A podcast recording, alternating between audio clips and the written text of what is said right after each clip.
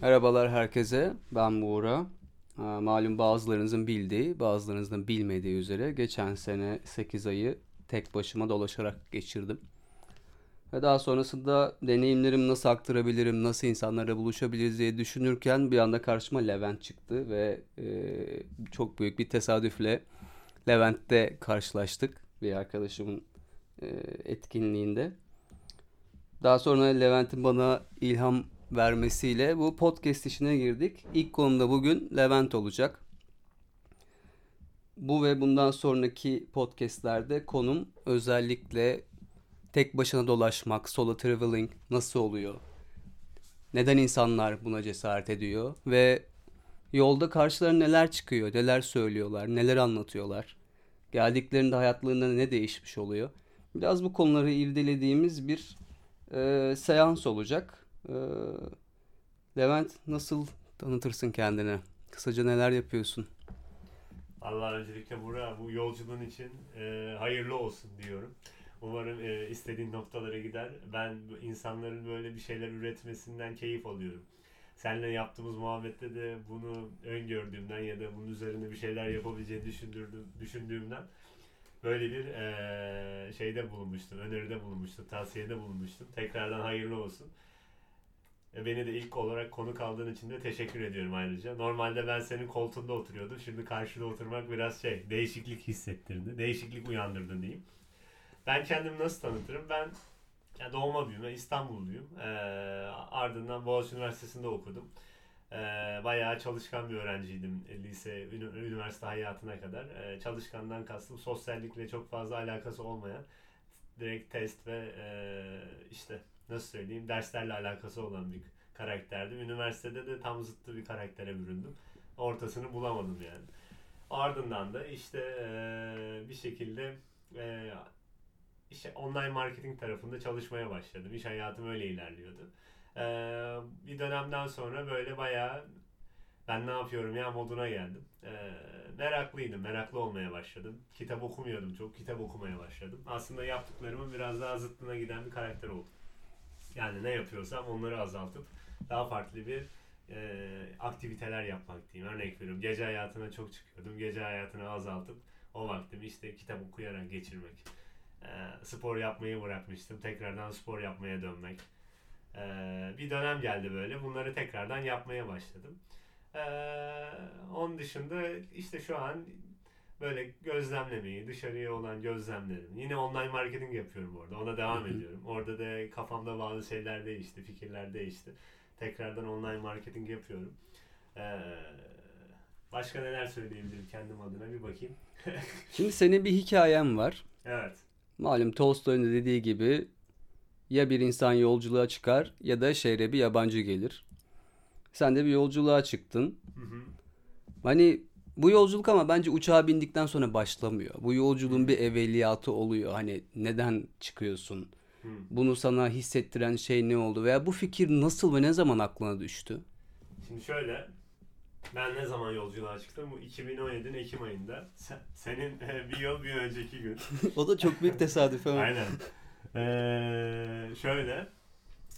Ben ya bir dönem böyle hayatımda böyle soru işaretleri barındırmaya başladım. Yani işte işte bir şeyler yapmak istiyordum. O istediğim gibi gitmedi. Sonra evde çok fazla vakit geçirdim. Bunalmaya başladım. İşte kendimde böyle hastalıklar arıyordum. Doktora gidiyordum. Sapa sağlamsın diyor ama ben yine bir şeyler arıyorum böyle. Hmm. Ya söyle ben de ona göre tedavisini olayım falan. Hmm. Panik ataklar falan geçirdim. Sonra derken ee, baktım ee, bende bir terslik var yani bu böyle gitmez. Ee, orada bir değişiklikler yapmak lazım. Sonra işe başladım. İşte iş güzel gidiyordu. Tekrardan bir firmada çalışmaya başladım. Orada güzel gidiyordu ama bu bunu kafamda belki de bir şekilde çözemediğimden diyeyim. Ee, bir şekilde oturtamadığımdan ama hep içeride kaldı böyle. Yani içeride kalan şey şuydu işte sen e, içeride belli bir sıkıntıların var. Bu işte de bunu tam olarak çözemiyorsun. Buna çözüm olarak ne yapabilirsin? Ee, o sırada benim böyle çevremde yani bel, belki de çevremi ben oluşturdum o sıra onlarla da baya böyle seyahat eden vardı. Ne bileyim e, bir arkadaşım uzak doğuya gitmişti. Uzak doğuya gittikten sonra böyle bu Güney Amerika'ya gitti geldi falan. Bir arkadaşım böyle Orta Amerika'ya falan gitti geldi. Bir arkadaşım bir aylığına Nepal'e gitti geldi. Sonra onların böyle gidip gelmesiyle bende de biraz şey oluşmaya başladı. Ya bu insanlar gidip geliyor ben de bir gidip gelsem mi? Ee, öyle bir moda girdim yani. Baktığında bir de o zamana kadar ailemle beraber yaşamışım. Ailemin dışına hiç çıkmamışım. Ee, onun da etkisi var. Böyle ne kendi evimde yaşamışım ne böyle yurt dışında bir şekilde bulunmuşum etmişim yani uzun süreli olarak. Askerlikti yani ailemden en uzak kaldığım dönem. Ondan sonra öyle şeyler doğdu ya ben ailemi uza ailemden bir uzaklaşayım, e, kafamı dinleyeyim, uzaklara gideyim, dilini bilmediğim bir yere gideyim, kendimi çok farklı coğrafyada hissedeyim, hiçbir şey anlamayayım. Yalnız kalayım, biraz kendimle kalayım, konuşayım, edeyim düşüncesi geliyordu. Ben yani yavaş yavaş aslında İstanbul'dayken de bu başlamıştı. Hafta sonları ben tek başıma yürüyüşlere gidiyordum. Polonezköy'e gidiyordum. Ormanda yürüyordum, ediyordum falan. Ondan sonra bir gün böyle artık onun geldiğini hissettim yani. E, bir karar vermem gerekiyordu işte çalıştığım firmada.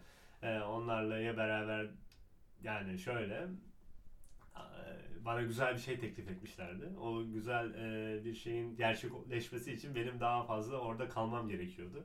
E, ben de biraz şey huyu vardır yani eğer içinde onu yani tam hazır hissetmiyorsa onu karşı tarafa aktarıp e, kendi yoluna bakabilmeyi. Orada da karşı tarafa aktardım ve bir şekilde Nepal'e bilet aldım. E, aslında hikaye böyle başladı. Sonrası çok mu hızlı gelişti? Yani karar aldıktan ne kadar sonra yola çıktın? Ben ne kadar sonra yola çıktım? Ya ben işten ayrılacağımı söyledim ilk başta. Hı. Ondan sonra işten ayrılacağımı söyledikten e, ne zamandı? Tabii Eylül ayında söylemiştim işten ayrılacağımı. Sonra Ekim ayında çat diye ben bileti aldım. Yani işten ayrıldıktan sonra bileti aldım. Öyle daha orada da destinasyonu tam belirlememiştim. Hmm. Hep böyle Güney Amerika ile Uzak Doğu arasında gidip geliyordum. Ondan sonra dedim Uzak Doğu'ya gideyim. Hmm. Öyle. Çat diye bileti aldım tek yön. Seyahatin ne kadarını planladın, ne kadarını planlamadın ya da sonrasını böyle akışa Şöyle, bıraktın? Nepal'i biraz planladım. Hı hı. Yani Nepal'i planladım dediğim bir arkadaşım işte Nepal'e daha önceden gittiğinden planladım. Hı hı. Onunla biraz sohbet muhabbet ettik. Şunları şunları yapabilirsin diye ama nerede ne kadar gün kalacağımı çok fazla planlamadım. Sadece böyle bir yerde rezervasyonum vardı. O tarihte orada olmam gerekiyordu. Bir de Nepal'den sonra Tayland biletim planladım. E, Tayland'da da çünkü ben bir aydan fazla kalırım diyordum. Bir aydan fazla kalmak için de işte vize alman gerekiyor Tayland'da. O sebepten dolayı da e, Tayland'a ne zaman gideceğimi planladım. Yani Nepal Tayland uçağını almıştım. Ama ondan sonrası planlı değildi. Ondan Tamamen akışında yolda. gelişti. Aynen. Ben- Peki seyahat sence ondan sonra mı başladı yoksa uçakta mı başladı? Seyahat uçakta başladı ya. yani seyahat de benim e, Seni burada- havaalanına biri bıraktı mı? Yok. Tek başına gittin. Aynen. Beni havaalanına biri bırakmadı. O duygusal modlara çok fazla girilmesini istemedim. Beni şey metroya bırakan oldu. Metrodan sonra kimse yüzüme bakmadı. Ee, şey nasıl söyleyeyim? Çünkü- Seyahatte uçakta başladı ya. Çünkü vedalaşmalar çok şey oluyor bir buruk oluyor. Ne oldu, ne bitti? Benim roman- ailem bu tarz bir şeye çok karşıydı. Hmm. O yüzden de ben e, ama ben bir şekilde yapacağımı biliyorlardı yani. Benim en fazla bir ay olmayacağımı düşünüyorlardı. Ben de işte bir aydan fazla olmayacağımı söylediğimde bayağı huzursuzluk çıkmıştı. E, ama öyle yani. Ya seyahat bu arada soruna gelirsek uçakta başladı. Ben uçakta bir anda yazı yazmaya başladım ama böyle o yani uçak full yazı yazarak geçti. Benim buradan işte aktarmayla Katar'a gidip Katar'dan e, Nepal'e geçmem falan bayağı yazı yazarak geçti. Güzeldi yani. Full yazı yazmaya başladım. İçimi dökmeye falan başladım. Tabii o sıra oralara gittiğinde böyle çok farklı bir ortamla karşılaşınca şey oluyor ya dönsem mi geri ilk bir hafta 15 gün falan oluyor. Ondan sonra alışınca zaten o his de biraz kaçıyor yani. Çantana neler koydun? Vallahi çantama iki tane e, bankamatik kartı vardı. Bir arkadaşım şey demişti. Biri çalınırsa diğeri rahatlıkla olsun diye. Hmm. E, ondan sonra işte günlük eşyalar. Çok fazla eşya koymamıştım zaten. 2-3 tane kitap vardı. E, not defterlerim işte günlük tutmak için yazacağım defterler. Öyle biraz da işte para almıştım da parayı tabii şey bankamatikte tutuyordum. Mantıklı oldu Aynen. o yani. Hangi ülkelere gittin? Öyle kısaca anlatırsam böyle şey hiç var mı? Hani böyle çok vurucu bir hikayen. Ya şu an gerçekten ölümsüzdü. Her hatırladığımda tekrardan yaşıyorum dediğin bir anın var mı? Şöyle eee, Ben ilk başta işte söylediğim gibi Nepal'e uçtum. Nepal'de 20-25 gün arası kaldım. Ee, Katmandu, Pokhara, Chitwan. Bu üç şehre gittim. Güzeldi deneyim. Sonra Tayland, Tayland'dan sonra Malezya, Singapur. Sonra tekrar Malezya. Ee, Nepal'in yani Nepal özetlemek gerekirse her bir ülkeyi Nepal eğer birisi doğaya ilgiliyse Nepal'e bence mutlaka gitmesini öneririm. Hem böyle doğa yürüyüşü olsun hem güzel manzaralar, sessizlik, sakinlik, ee, işte böyle National Park dedikleri doğal parklar falan bayağı güzel Nepal'de. Ama böyle dünyanın Türkiye'den de bayağı geride olan bir ülkesine gitmelerine hazır olmalarını söylerim yani şey olarak. Ee, ortam bayağı kötü yani. Katmandu Pokara'ya nasıl gittin sen? Ha, işte. Uçakla mı gittin, Pokhara otobüsle mi? Mesela otobüsle giden bir yol. Tek şerit e, full otobüste sıçraya sıçraya giderek yanında bazen e, uçurum kenarından geçmeler falan filan. Biliyor musun ben mesafeye baktım. Katmandu Pokhara arası İstanbul'a Tekirdağ veya Tekirdağ'ın biraz ilerisi kadar Tabii yani. tabii 150-200 150-200 falan. kilometre. Kaç saatte saat gidiyor? falan sürdü. Felaket ya. Aynen. Yolda durmalar, ambulanslar falan filan. Ama orada biraz yani yoldayken biraz bence kaderci oluyorsun. Oraya geleceğiz de yani. Ya burada başıma bir şey gelirse nerede geldi ya başka bir yerde de gelebilir düşüncesi oluyor. Nepal'de bu arada kimse İngilizce bilmez. Ondan sonra çok az kişi bilir. Ee, yedikleri yemekler çok çeşitli değildir. Biliyorsun işte pilav, yanında şey sosu, Aynen. tavuk köri sosu, dalbat. Abi ben Ondan artık sonra- her gün pilav yemekten o kadar yoruldum ki Aynen. anlatamam Fried, sana. Haşlanmış mı, kızarmış mı? Tek iki seçenek. Ee, Ama Momo'nun hastasıyım. Aa, Momo çok iyi. Momo Momo nasıl? mantıya benziyor zaten. Momo evet dum- dumpling, Momo, mantı aşağı yukarı aynı Ravioli. şeyler. Ravioli aynı şeyler. Aynen. Bence de benziyor yani. Ee, onun dışında şeyi gördüm Nepal'de. Ya insanlar bayağı fakir fukara yaşıyorlar. Yani biz de fakir fukara dediğim şu yani. Geçim sıkıntısı çektikleri belli. Yani e, şu an biz İstanbul'da ya da işte diğer ülkelerde karşılaştırdığında onlara göre bayağı geride olduklarını görüyorsun ama mesela bir fotoğraf çekmek istediğinde hemen gülüyorlardı.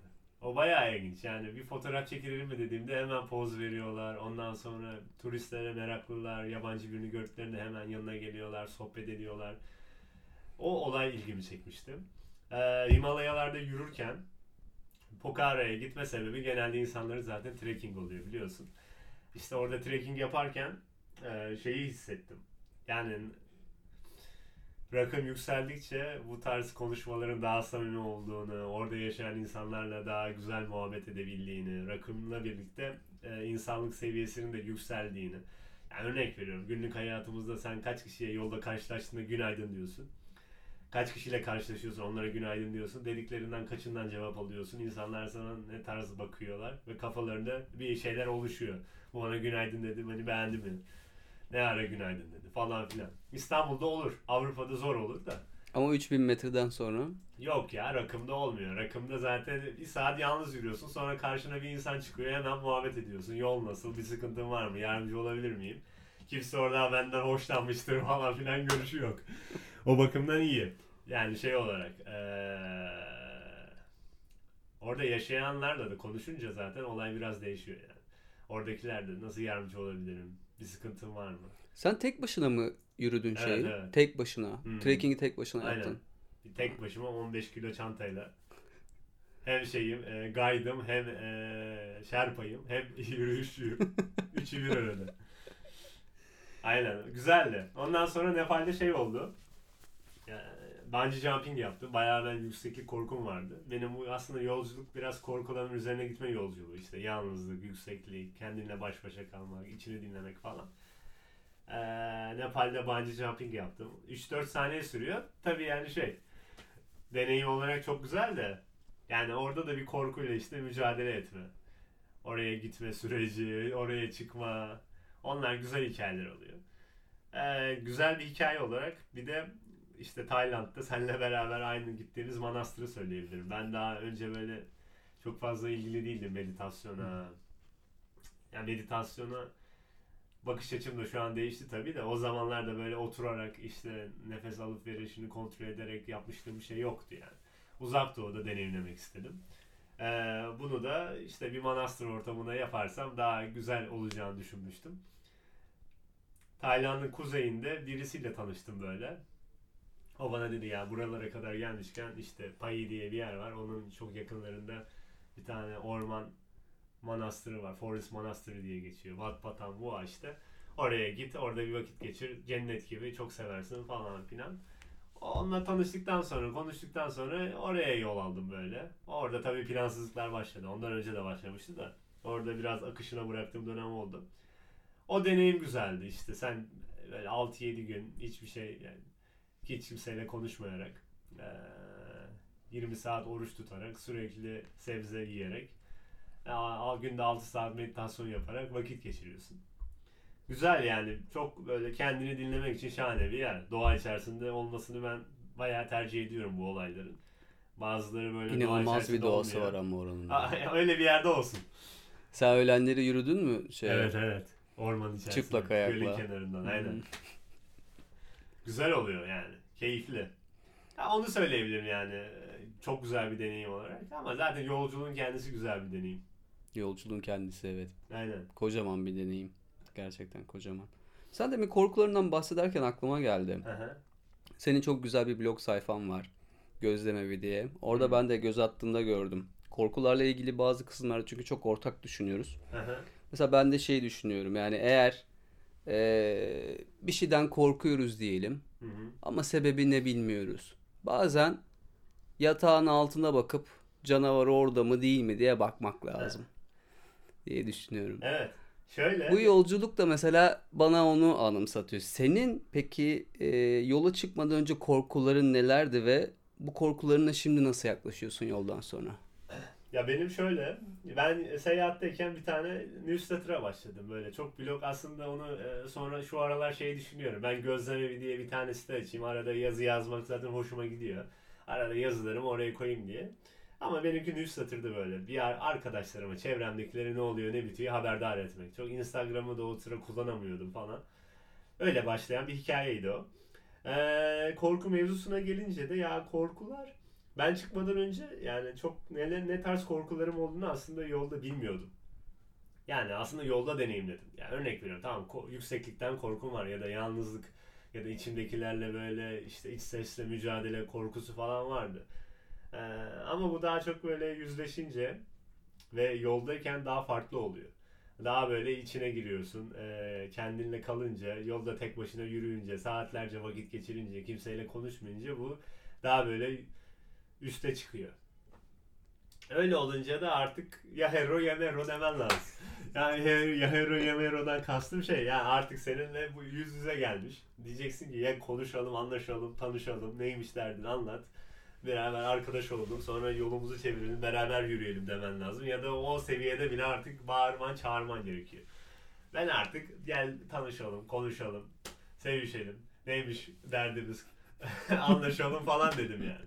Oradaki muhabbet oydu. Sonra bir saatten sonra zaten e, yani korku, acı bence bu tarz duygusal, duygusal demeyeyim de yani insanlara böyle etki eden şeylerle yüzleşmek ve onlarla böyle kabullenmek lazım. E, kabullendikten sonra da o zaten kabullenme aşamasından sonra oradaki süreç şey oluyor. Kabullendikten sonra bunu nasıl çözebilirim? Nasıl çözebilirime gidiyorsun. Hı hı. Bir şeyi çözmen için ilk başta sanki kabullenmek gerekiyor kabullenemeyeceğin bir şeyi çözebilir misin bilmiyorum. Yani yani çözmek dediğin şey e, orada kendinde bir problemse ya da kendinde bir geliştirmek istediğin bir olaysa onu ilk başta eksik olduğunu kabul etmen lazım. Sen onun eksikliğini kabul etmezsen o zaman zaten neyi değiştireceksin? Orada da işte benim eksiklerim vardı. Örnek veriyorum çok iç ses yapıyordum, çok düşünüyordum, çok düşünüyordum, çok düşünüyordum. Aksiyon yok. Bence bu zaten inanılmaz öz saygıyı falan da yitirttiriyor bir saatten sonra. Düşün düşün düşün düşün bir sürü şey yazıyorsun ama hiç aksiyona geçmiyorsun. Benim özgüvenim düşmüştü. Seyahatten önce özgüvenim düşmüştü.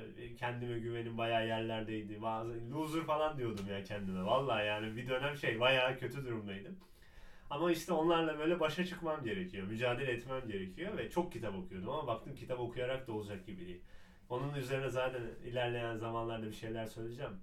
Yani çok kitap okumak tabii ki güzel ama e, execution da önemli. Yani execution'ı Türkçe'ye çevirirsek işte harekete geçmek Hareket. de önemli. Aynen.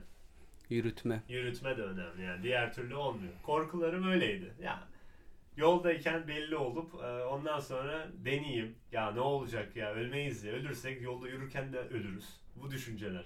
Ne- Yani bungee jumping'den şimdi yapmayayım. Yapmamak için bayağı aldım bileti hala yapmayayım mı falan diyorum böyle. Bir de ilk ben yaptım falan. Hala orada bile şey yapmasam falan. Ondan sonra bir noktaya geliyorum ya. Korktuğun şey ölüm mü?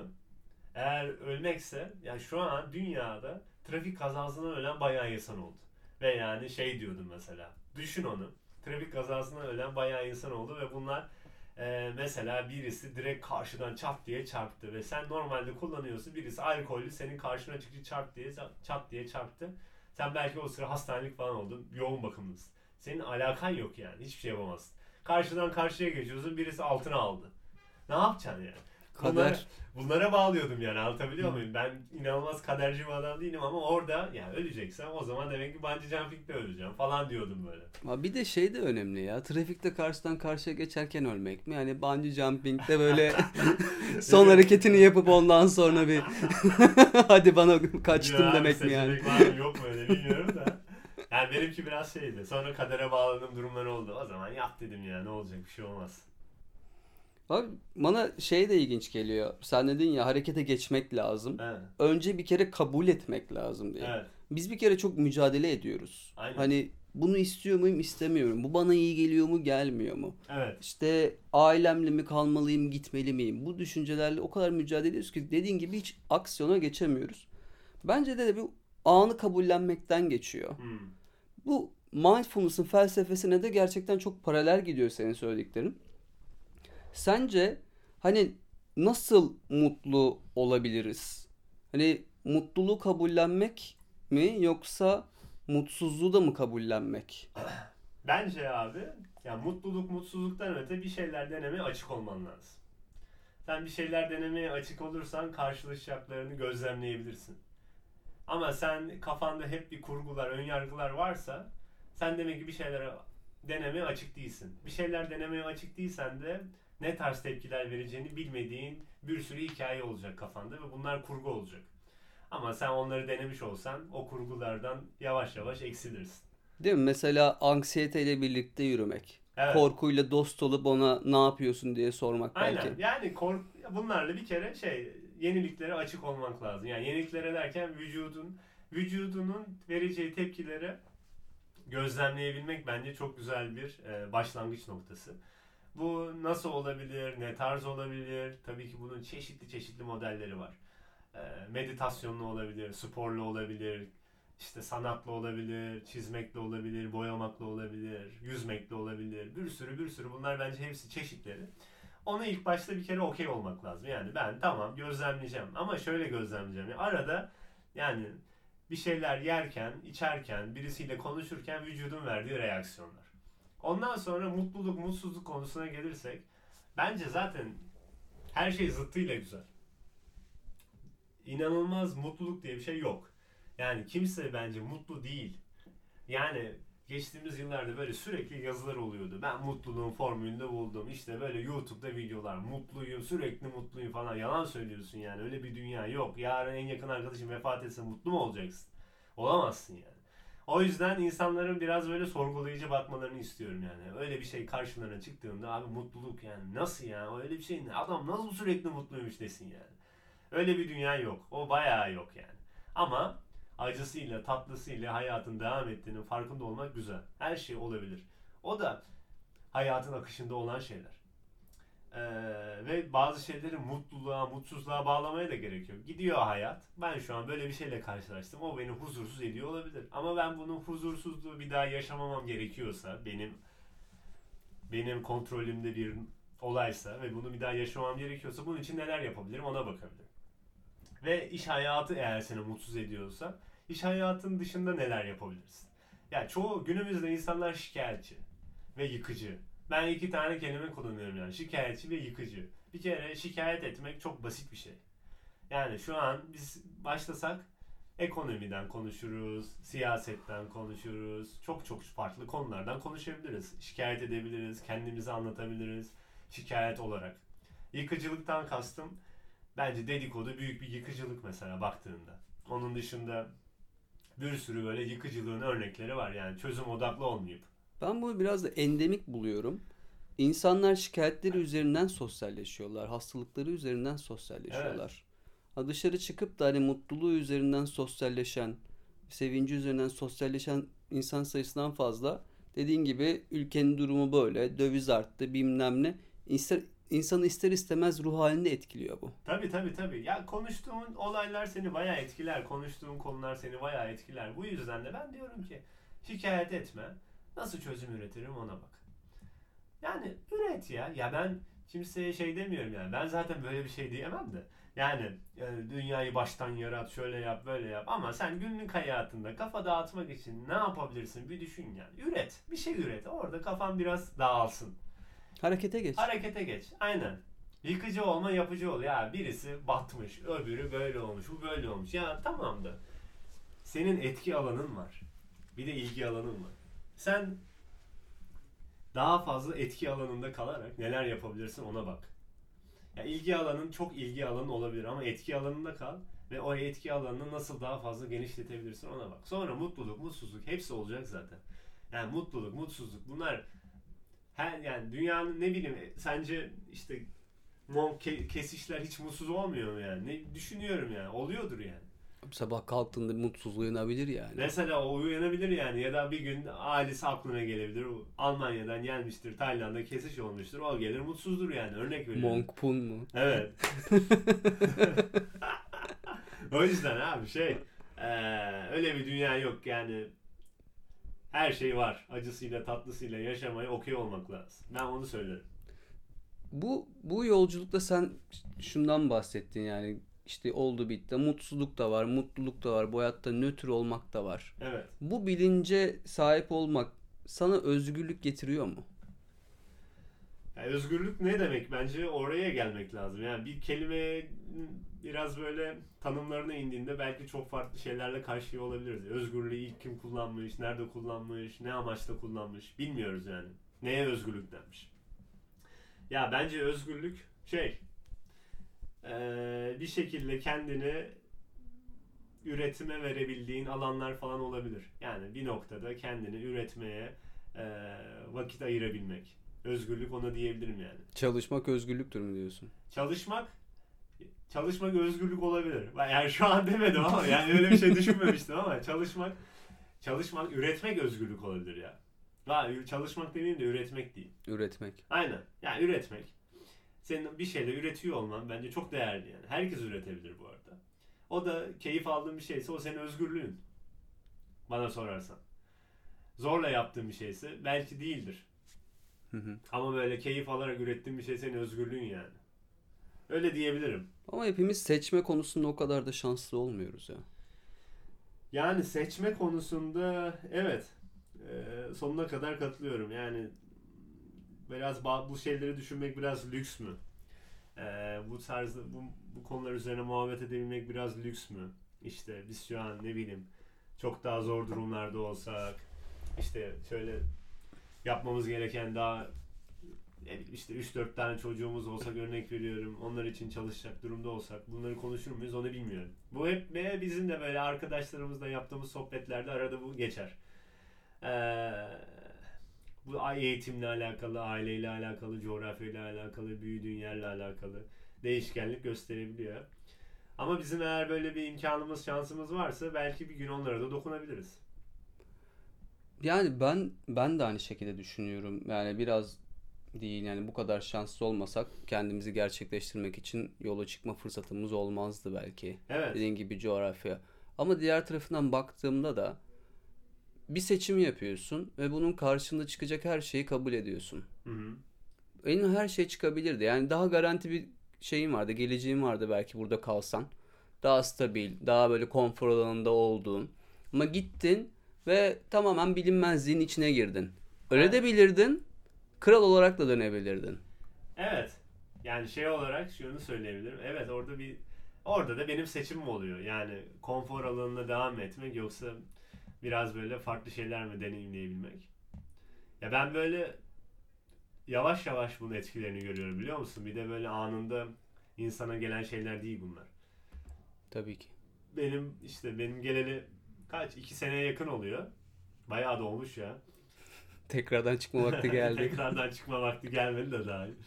İki sene yakın oluyor ve bazı şeyler daha böyle yavaş yavaş bana geliyor. Yani bazıları yavaş yavaş oturuyor.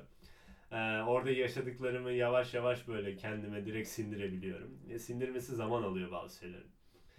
Ya dediğim gibi olay benim biraz şeyimle alakalı. Ee, düzene karşı çıkıp düzenden ziyade şey işten kastetmiyorum. Böyle evde işte sürekli evde oluyordum. Orada bir derdim yoktu, tasam yoktu. Yani biraz da bakalım bu hayatta neler varmış deyip onlara yolda neler olacağını böyle gözlemlemekti yani benimki.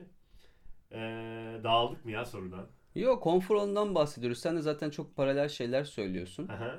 O yüzden hani devam edebiliriz. Yani konfor alanı Hani şey. belki sana şöyle bir soruyla yaklaşabilirim. Hani çünkü içindeyken çok mutluyuz bunun. Evet.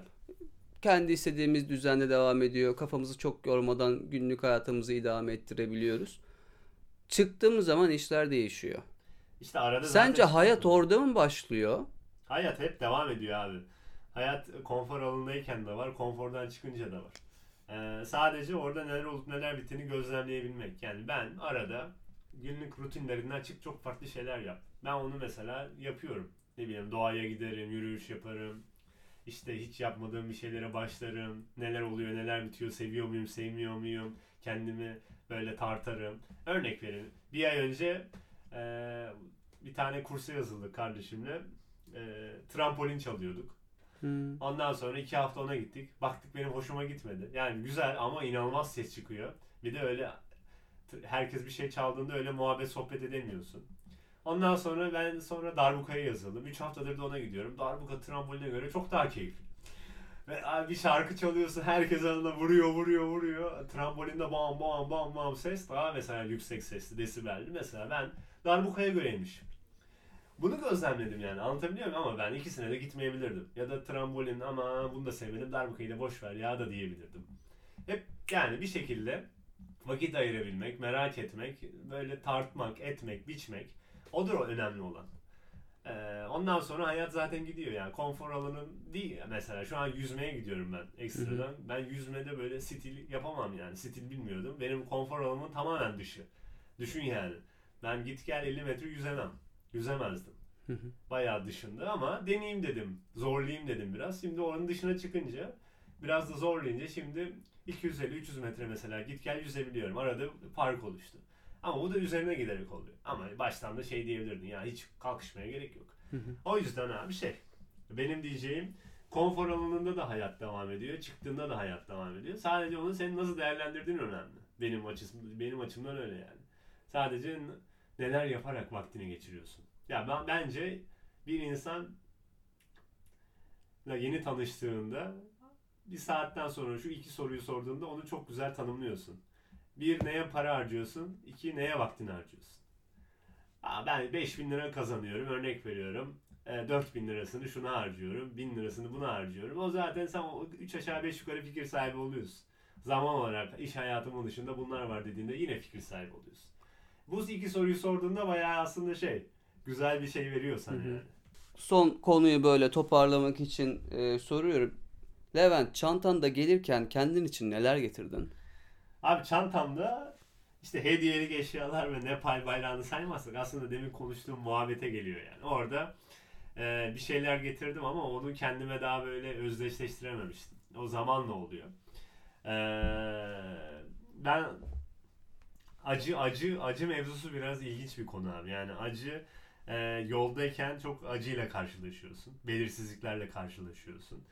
Böyle e, bir de kendinle kalınca bir saatten sonra canın da çok sıkılabiliyor.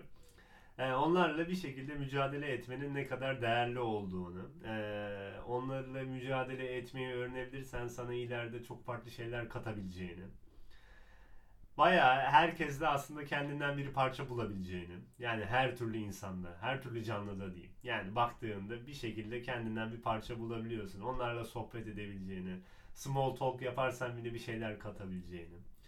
Ee, bununla birlikte abi yani işte acılardan bahsettim. O acıları seçtikten sonra yani bir bak zaten o farkında olmadan seçtiğin şeyler oluyor onlar. Bir saatten sonra yapayım edeyim diyorsun.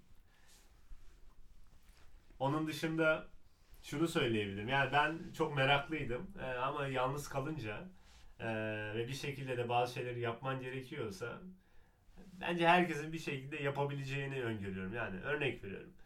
Ben işte bir noktada bir yerde kalmam gerekiyordu. Bayağı da kalmak istedim. Gittim oradaki tüm otellerin listesini buldum. Otellere mail attım. Birisi kabul etti mesela.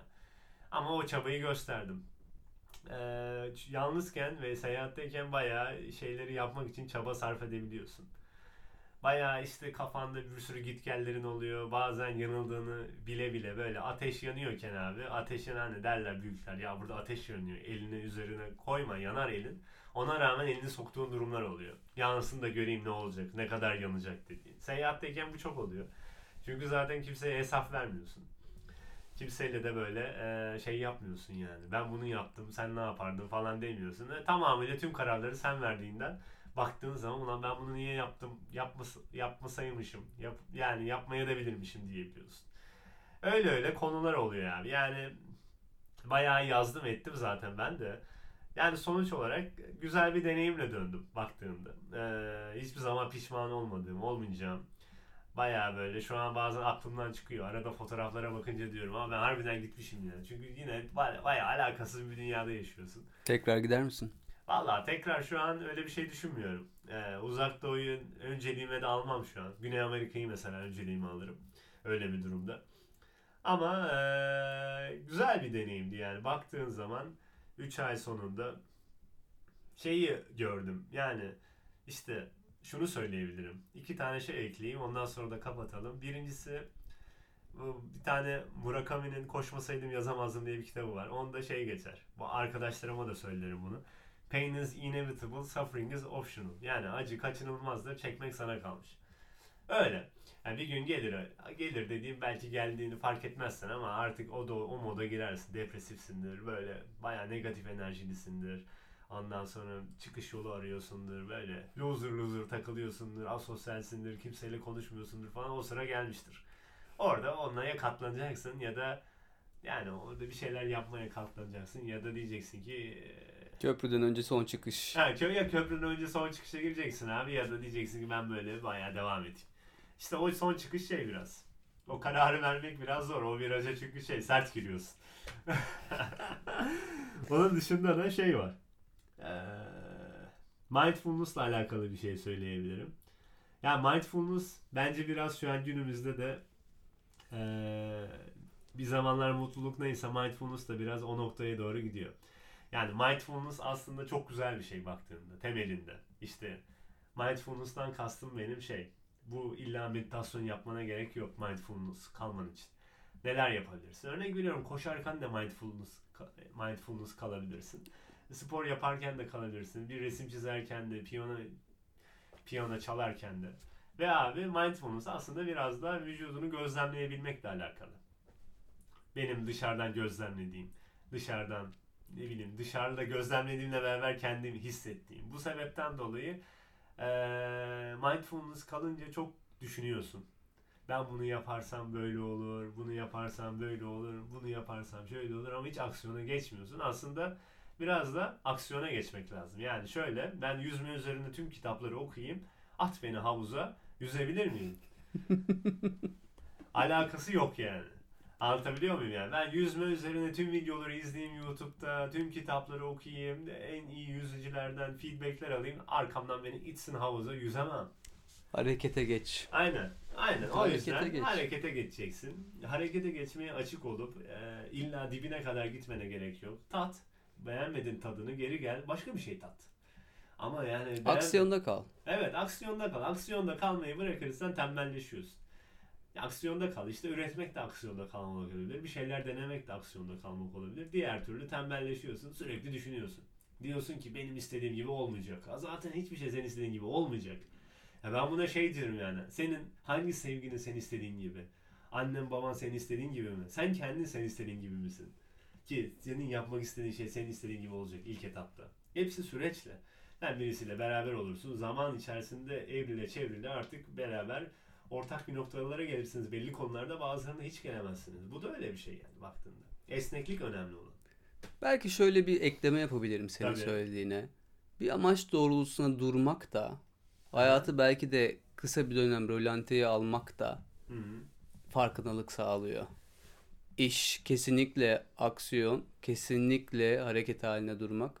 Ama durduğun zaman da bir amaç için durmak. Hı hı.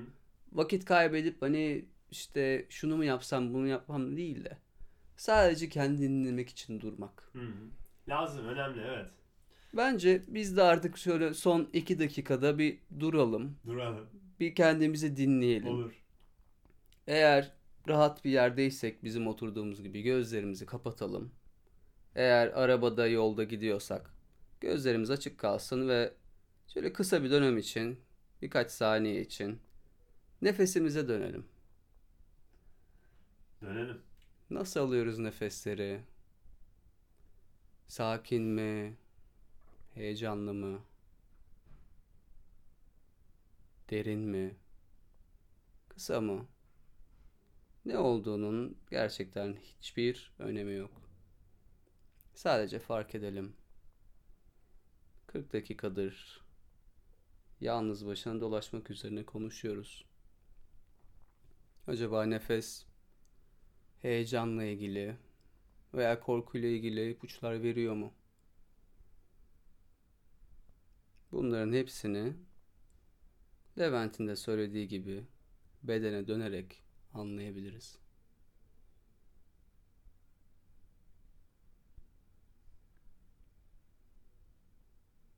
Sadece dinleyelim.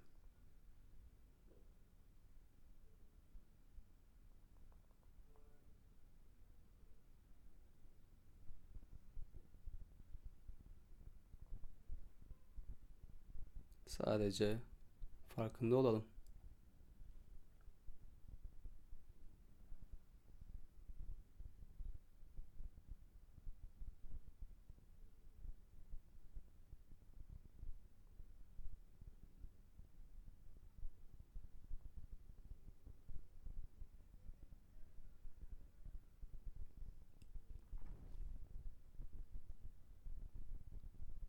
Sonuna doğru gelirken yavaşça gözlerimiz açıksa açalım ve tekrardan bulunduğumuz yere geri dönelim. Bu güzel sohbet için, bu deneyimlerin için sana çok teşekkür ederim Levent. Ben teşekkür ederim. Çok abi. şey öğrendim senden. Vallahi güzel oldu. Kendine çok iyi bak. Sağ ol sen de.